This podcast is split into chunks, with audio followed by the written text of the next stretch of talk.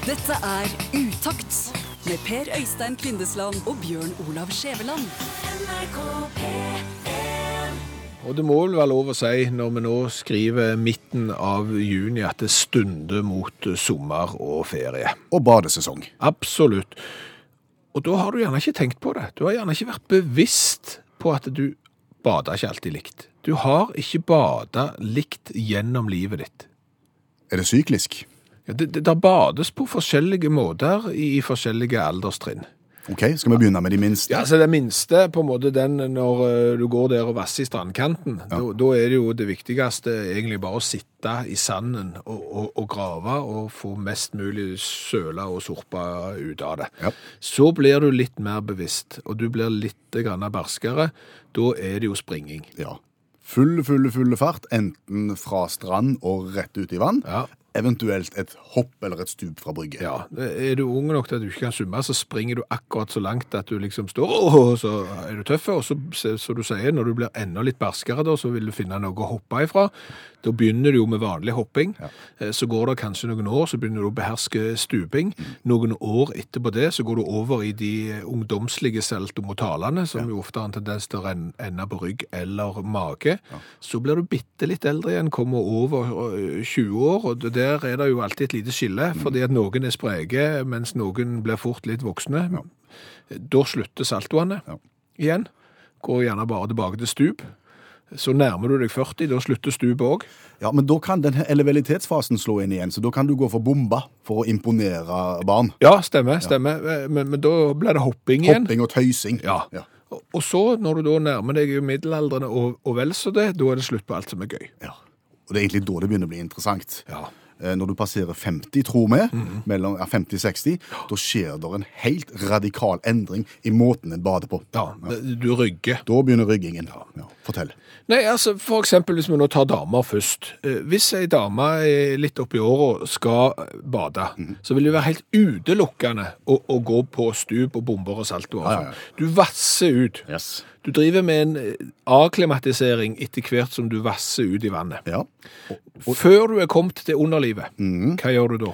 Da bøyer du deg ned lett forover Ja. og tar vann og smører armene dine inn med kaldt vann. Du Ja. sauser litt vann opp på armene for å akklimatisere armene også. Ja, Som om det skulle hjelpe. Så snur du Yes. 180 grader. Helt rundt. Og sånn at du har da ansiktet vendt mot stranden igjen, og de som sitter og ser på. Så legger du deg bakover og, og begynner å rygge ut i vannet, Yes. og så slipper du på en måte taket, og, og så løfter du sånn at tærne stikker opp av vannet, yep. mens du holder oppdriften oppe med hendene. Du jobber utelukkende med hendene. Ja, beina er i ro og, og, og toucher overflaten av vannet, og hendene brukes til oppdrift. Det er ikke summing dette her, det er mer en overlevelse. Det er mer bare å holde seg flytende, mens du roper oh, oh, oh, Ja. Og så er du for så vidt ferdig. Det gjelder damer, Ja, men 50-60. de det er mye det samme.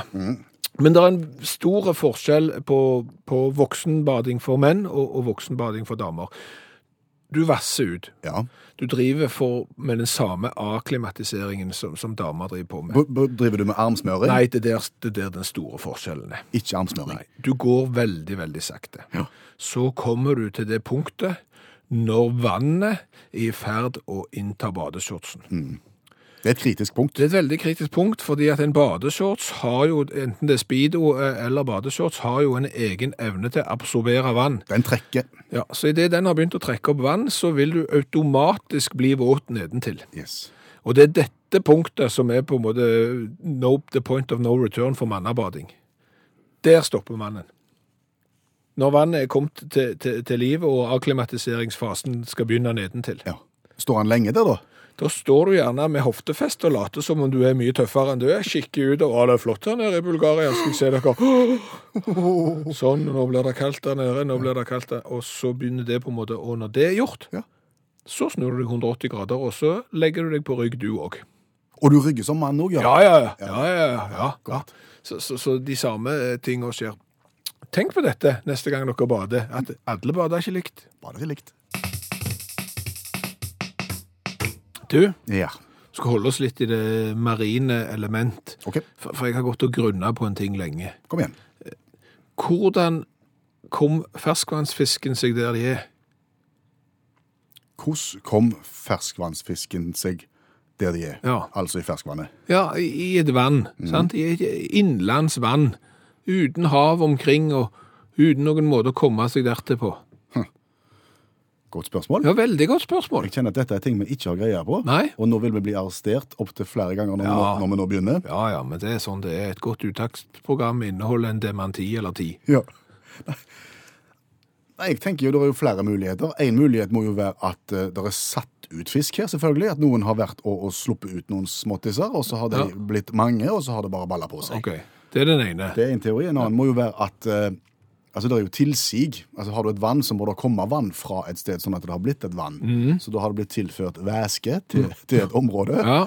Og, og i, I form av ei elv, for eksempel. Og så har det svømt en fisk og to i den elva og havna i det vannet du snakker om, og sagt at her, her tror jeg vi rett og slett slår oss til. Og så ble de mange. Ja. Og, og, og den da, da, den tok eh, turen gjennom den lille bekken til det vannet, så du sier. Eh, Hvor kom han ifra da? Da kom han fra et annet vann. Som igjen kom fra eh, Kom fra et annet vann via en bekk. Ok, ja. Altså har det gått et kretsløp på den måten der. Ja. Jeg skjønner at argumentasjonen min virker noe tynn nå. Ja, jeg, jeg føler òg det. Fordi det, det er jo som du sier, eh, et, eh, en innsjø eller et vann eller et eller annet sånt oppstår jo gjerne fordi at det er tilsig eh, av vann, og så er det et lavt punkt. Og, så kan ikke vannet unnslippe, og dermed så vil vannet omsider stige til det kommer til et sånt punkt at det har blitt et vann. Ja. Sant? Og så har det kommet levende liv oppi der som kaller seg for fisk. Yes. Og det er jo de igjen jeg har tenkt på, for vet du, OK. er, Hvis de har kommet fra en annen plass, så må det jo igjen en eller annen plass må jo dette begynne. Ja. En eller annen plass må jo den første ferskvannsfisken ha kommet til et ferskvann. Fordi at så vidt jeg har forstått uh, evolusjonen her, så begynte alt liv i havet. Ja. Og så må det jo på en måte ha kommet seg til ferskvann. Og, og de har jo vært der lenge. Ja, mange år. Altså, det er jo ikke sånn at, eh, Jeg vet jo at folk setter ut fisk den dag i dag. Nå er det jo smolt, jeg vet ikke hva de heter, de der yngel og, Ja. og guppier og sånn, som du setter ut. Men tidenes morgen da, har jo vært drevet fisk, fiske lenge, lenge, lenge. Er det sånn da at liksom forfedrene våre, de før de, og de før de, og de før de, som sto der i skinnet sitt som de hadde på seg, lendeklede og, og laurbærblad og sånn, eller hva de hadde på seg, ikke sant? sto og fiskte. Og så tenkte de det var sikkert en god idé å ta med dette til et ferskvann. Ja, For de sto i sjøen og fiska, ja. Ja. Spørsmål nummer én, hvordan frakta de de? Eh, Bøtt, en slags bøtte. Ja, ok, en slags bøtte. Vi vet ikke hvordan de bøttene ser ut, men vi ser for at det er det da. Vil en saltvannsfisk overleve i ferskvann? Ja, det var vel kanskje det de forsøkte å finne ut. De tok med seg en torsk Ja, så- så og rusla til heis og slapp han ut. Jeg tror ikke det gikk godt, for jeg tror ikke de trives. Jeg tror ikke de klarer seg. Nei, de, de, du kan ikke det, sant? Så er det skuffa ned igjen. Ja. Så er det å få en vitting. Prøve vitting, Ja, ja. og så be, til heis med vitting. Det? Og det gikk dårlig. Og skuffa ned igjen, og så er det en pose med makrell. Og de havna på buken før du vet ordet av det, og så var det hyse og Jeg kan ikke alle navnene. Det er synd at ikke makrellen klarte det. Det hadde vært gøy. Ja. Med ferskvanns innenlandsmakrell. ja. Da, da faller jo begrepet. Makrellen kom. Ja, den, den holder ikke. Nei. Den er der alltid. Ja. Og så omsider, da, etter masse mislykka prosjekter, så, så er det jo sånn at eh, da har du kanskje fanga en eller annen auretype. Som vel har vært i stand genetisk til å klare seg i eh, ferskvann. Og så begynte populasjonen. Ja. Er det et scenario som vi kan går god for? Ja, det, er det beste vi har kommet opp med så langt. Det er det beste vi har kommet opp med. Det er en annen teori òg. Og det er jo at liksom, hvis vannet sto mye høyere, det var mye vann, og tidens morgen og alt det der, og alt liv oppsto i havet, iallfall ifølge det var en gang et menneske-tegnefilmen som jeg så når jeg var ung. Det er den du baserer er historiekunnskapen din Ja. Og så har havnivået sunket. Ja. Da vil det jo bli liggende vann igjen. Ja. Og i det vannet var det jo da gjerne en fisk Ja. som har levd i saltvann. Som da ble tvungen til å, bli over, til å fortsette i fersk. Ja, og så har det gjerne blitt litt mindre og mindre saltvann og mer og mer ferskvann, og så er det noen som har vært i stand til å si at jeg er ikke glad i dette her, jeg, jeg ser at jeg trivdes bedre i, i saltvann, men... Jeg tar men en for laget. Jeg tar en for laget, og så har han på en måte blitt værende. Det er også en mulig forklaring. Ja. Det er sikkert en god forklaring, men nå har vi kommet med et par dårlige i Arne Garborg er jo en av de forfatterne som står som en eh, bauta, og som gjerne har skrevet noen bøker som du absolutt burde ha lest. Og jeg fikk jo en bok av Arne Garborg i gave, og var ikke snare om å lese den første sida. Den leste jeg. Og så var det ikke så kjekt, eh, men da hadde jeg jo lest den første sida, og da kunne jeg jo starten. Ja. Så dermed så skulle jeg brife i en sosial sammenheng om at jeg hadde lest den boka av Arne Garborg, og så sier jeg 'Stille slår havet mot stranda'. Sånn begynner jo den der boka som handler om Fred. Fred-boka, ja. Ja. ja. Da blir det flaut når du da finner ut at han heter Fred. Nettopp. Og allerede da så var du ute å kjøre, altså. Absolutt. Og, og den følelsen unner vi ingen. Nei. Og Derfor så har vi tatt grep, og hver eneste fredag så arrangerer vi et lite intensivkurs i klassisk litteratur, sånn at du kan ta det med deg ut i selskapslivet og framstå som om du har lest klassikerne. Og da vet du at ei bok f.eks. heter Fred og ikke Fred. For eksempel. Og at uh, Skipper Worse heter Skipper Worse og ikke Skipper Worse. St- st- st- Stemmer, stemmer det. Men vi har ikke greie på dette. Nei, nei, nei. Så vi har henta inn Janne Stigen Drangsholt, som er forfatter og litteraturviter. Hun hjelper oss med kurset.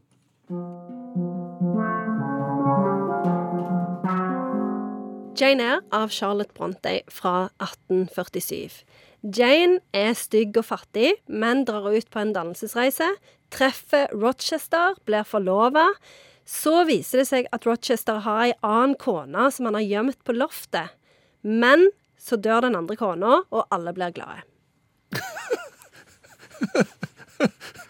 Da har vi Jane Eyre, Skjæveland. Ja, så, så hvis du har ei kone på loftet og fått deg ei stygg elskerinne, så er det bare å vente på at kona skal dø, så ordner alt seg.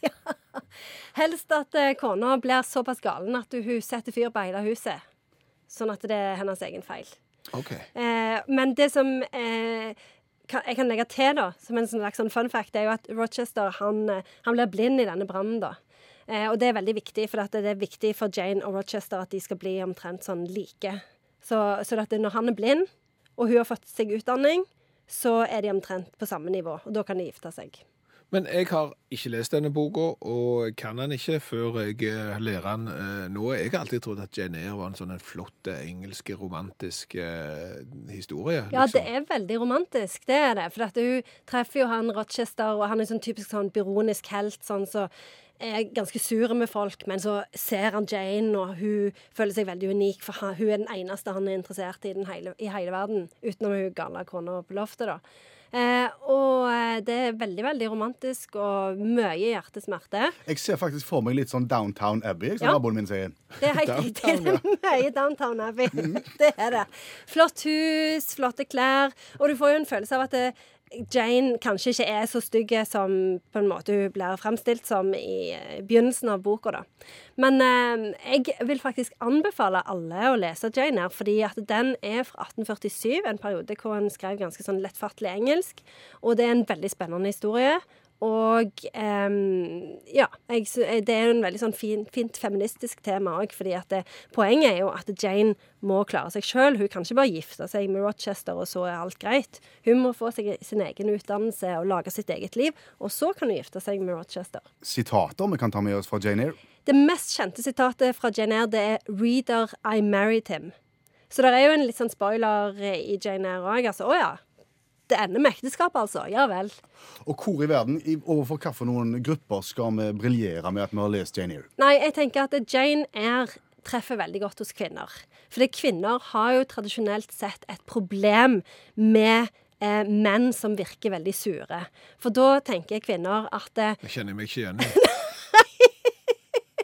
Men da tenker kvinner at å, han er sur fordi han ikke har truffet meg ennå. Så hvis jeg gifter meg med han, så kommer han til å bli kjempeblid. Og så gifter de seg med han, og så er han like sur ennå. Ja, det kan jeg bekrefte. Og da kan Jane Eyre hjelpe, fordi at du leser liksom at Jane gjør den samme feilen. For den, den slutter jo med at de gifter seg, så du skjønner jo at han, Rochester han kommer til å være like sur hele tida. Så det kan være nyttig. Ok, Skal vi da oppsummere Jane Eyre, Skjæveland? Ja, altså Helt ordinære damer kan òg bli gift med sure mannfolk som har ei kone som de har låst inne på loftet, og som setter fyr på loftet og seg sjøl. Ja. Så dagligdags er det. Ja, og de har heller ikke røykvarsler der oppe, tydeligvis. Nei. Pluss at det her er vi jo Altså her kan vi jo òg snakke om Ibsen. sant? Hva foregår egentlig på alle disse loftene? Jeg tenkte også Villanden her. Ja. Her tenkte jeg Villanden Gregers var sliten, jeg gikk tidlig til sengs den kvelden. for å skyte kaniner på loftet. Tusen takk, Janne Stigen Drangsholt, forfatter, litteraturviter, hjelpetrener i friidrett og medlem av FAU. Ja, Der blir faktisk Mark Anthony eh, avbrutt fordi vi er om bord på ei ferje der en bil har kjørt om bord, og eh, eier er oppe og kjøper seg pølse, og alarmen har begynt å gå på dekk. Ja. Alle hører han, men ingen bryr seg. Er det noen som kjenner seg igjen? Det med alarm er jo eh, snedige greier. Én ting er jo ut forbi eh, kjøpesenter, når du hører en bilalarm gå, og du bare hører at den går, og du tenker ja, det er sikkert ikke min bil, jeg bryr meg ikke, og ingen legger merke til det. Men på ferja, som du sier, det er jo enda verre. Mm. Men Hva er det egentlig som skjer da? Du kjører om bord, masse biler om bord på ferja, og, og eh, folk går opp i salongen for å kjøpe seg pølser og, og stapper og bacon og sånt, og så legger ferja fra kai, og det er helt stilt, det er ikke bevegelse i båten. Men likevel så begynner det da, enten der framme eller der bak, to-tre biler stort sett i snitt begynner å ule, sånn som det der, intenst på dekk. Nå eh, kan ikke jeg bilalarmer og, og hvordan bilalarmer virker i detalj, så her eh, må jeg bare ta det etter det jeg har grunn til å tro-prinsippet, som er sånn passe. Ja. Eh, Men det er trykkendring som gjør at alarmer går. Sånn at hvis noen knuser et sidevindu i bilen, f.eks., så endres trykket i bilen. Hvis eh, du har unger som sitter i baksetet mens du har låst bilen og gått ifra, i det øyeblikket de beveger seg, så endres eh, trykket i bilen. Alarmen går. Hvis bilen får masse bevegelse, noen står og rister i den, så endres trykket i bilen, og så går alarmen. Og det er nok det som skjer på ferjer, at det ikke skal så mye bevegelse til når du har låst bilen og satt på alarmen. Derfor går alarmen. Går det ikke an å skru det av når du skal opp og spise pølser? Ja, ikke altså De bilene jeg har hatt med alarm, da er det sånn at hvis jeg låser bilen, så går alarmen på. Ja. Og hvis jeg låser bilen opp, så går alarmen av. Og, og, og skal jeg ha alarmen av, så må jeg låse opp bilen. Nettopp. Antageligvis det som skjer da. Ja, Og så tenker folk at vi kan jo ikke la bilen stå ulåst på ferja, for ja, ja, hvorfor ikke, for så vidt. Hvor skal de gå hen? Men det er altså, sant? Og dermed så, så blir det sånn. Men det er jo gjerne sånn at folk, folk rundt irriterer seg. Folk kommer til bilene sine, folk ser på den som står og uler. Men han som eier bilen som uler, han tenker ikke på dette, for han spiser pølser. Jo, men, men han har sikkert det samme genet som vi, vi har med andre. Det er litt sånn at når du hører en bilalarm, så, så reagerer du ikke. Det er ikke min. Ja. Nei, for, men, og der tror jeg er en viktig ting med bilalarmer, at svært mange av de låter jo veldig likt. Ja. Sant?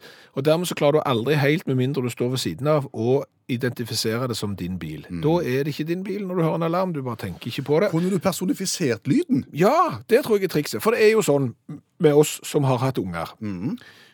Når unger skriker, om det er på fly, eller i legeland, eller på strender, eller hvor det enn er, og du hører at det ikke er din egen unge som skriker, så hører du ikke den lyden. Nei, nei, nei. Det er akkurat som det er et sånt filter, Ja. at den lyden bare forsvinner. Du, og er, du er glad for at, det, at det, det, den skrikingen ikke er din egen unge, og sånn sett så får du det vekk. Og dermed, hvis du kunne hatt din personlige Ja. alarmtone, eksempel. Hva ville du hatt? Svendsen, altså, jeg kunne hatt Skjøvland, Skjøvland, Skjøvland, Skjøvland, Skjøvland, Skjøvland, Skjøvland, sant? Hadde jeg Du hadde ikke, ja. Jeg tror jeg ville hatt eh, ballade Pour oh, Å ja, den ja. Tenk hvis den begynner på ferja. La, la, la, la, la, la. Da kommer du fort. Så sant? hiver du kumla, og så springer du ned på dekk.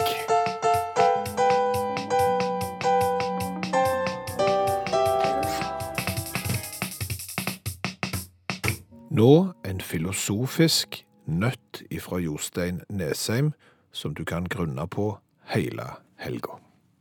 Hvis du bestiller på internett en stykk katt i en sekk Pakken eh, ankommer, du åpner sekken og finner ingen katt inni. Hva er det da du har kjøpt? Hva har vi lært i dag? Å, mye. Flott. Ja, behovet for personlige bilalarmer er helt klart til stede. Den lyden på bilalarmen som gjør at du skjønner at det er din bil og ikke noen andre sin. For eksempel går alarmen i bilen min, Skjævland, Skjævland, Skjævland, Skjævland, Skjævland, Skjævland. Da skjønner du liksom, ok, det er min, og så går du og stopper med rakkelse. Nå tenker jeg, nå vil jeg ha Final Countdown-temaet på min. Ja, det er det sikkert mange som vil ha. Da er det plutselig ikke personlig lenger. Men nå kan du få personlige bilskilt. Hvorfor ikke personlige bilalarmer? Eh, Så har vi jo lært det at eh, saltvannsfisk ikke klarer seg spesielt godt i eh, ferskvann. Og her er et godt, veldig godt innspill. Eh, Selv med all veisaltinga i Norge, så har ikke torsken latt seg avlede til en tur ut i en bekk og opp i et vann. Nei, han er ikke helt torsk. Han er...